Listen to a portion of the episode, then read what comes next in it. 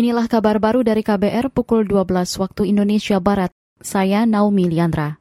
Presiden Joko Widodo hari ini melantik Jenderal Agus Subianto sebagai Panglima TNI yang baru di Istana Negara Jakarta. Pelantikan Agus Subianto berdasarkan keputusan Presiden tentang pemberhentian dan pengangkatan Panglima TNI. Demi Allah saya bersumpah. Demi Allah saya bersumpah. Bahwa saya. Bahwa saya. Akan setia kepada. Akan setia kepada. Negara Kesatuan Republik Indonesia. Negara Kesatuan Republik Indonesia yang berdasarkan Pancasila yang berdasarkan Pancasila dan Undang-Undang Dasar Negara dan Undang-Undang Dasar Negara Republik Indonesia tahun 1945. Republik Indonesia tahun 1945.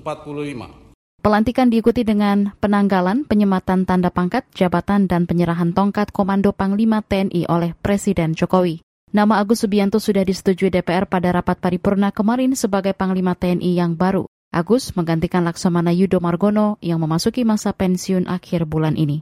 Kementerian Kesehatan melaporkan kasus cacar monyet atau monkeypox terdeteksi di lima provinsi yaitu DKI Jakarta, Jawa Barat, Jawa Timur, Banten, dan Kepulauan Riau.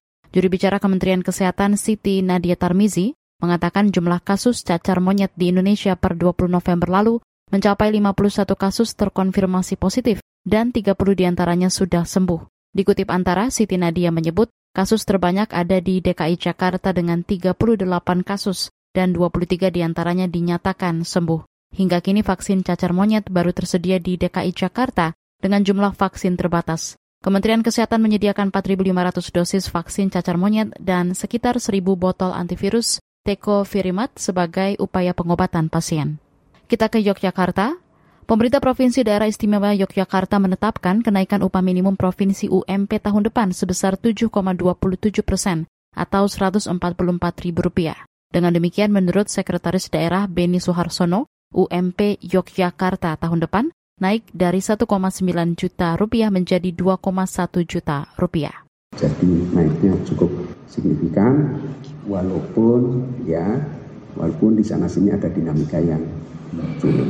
Sekretaris Daerah Yogyakarta Beni Suharsono menambahkan untuk penetapan upah minimum Kabupaten Kota UMK akan ditetapkan sesudah penetapan upah minimum provinsi atau maksimal 30 November. Menurut Beni seharusnya besaran UMK lebih besar daripada UMP. Demikian kabar baru dari KBR, saya Naomi Liandra.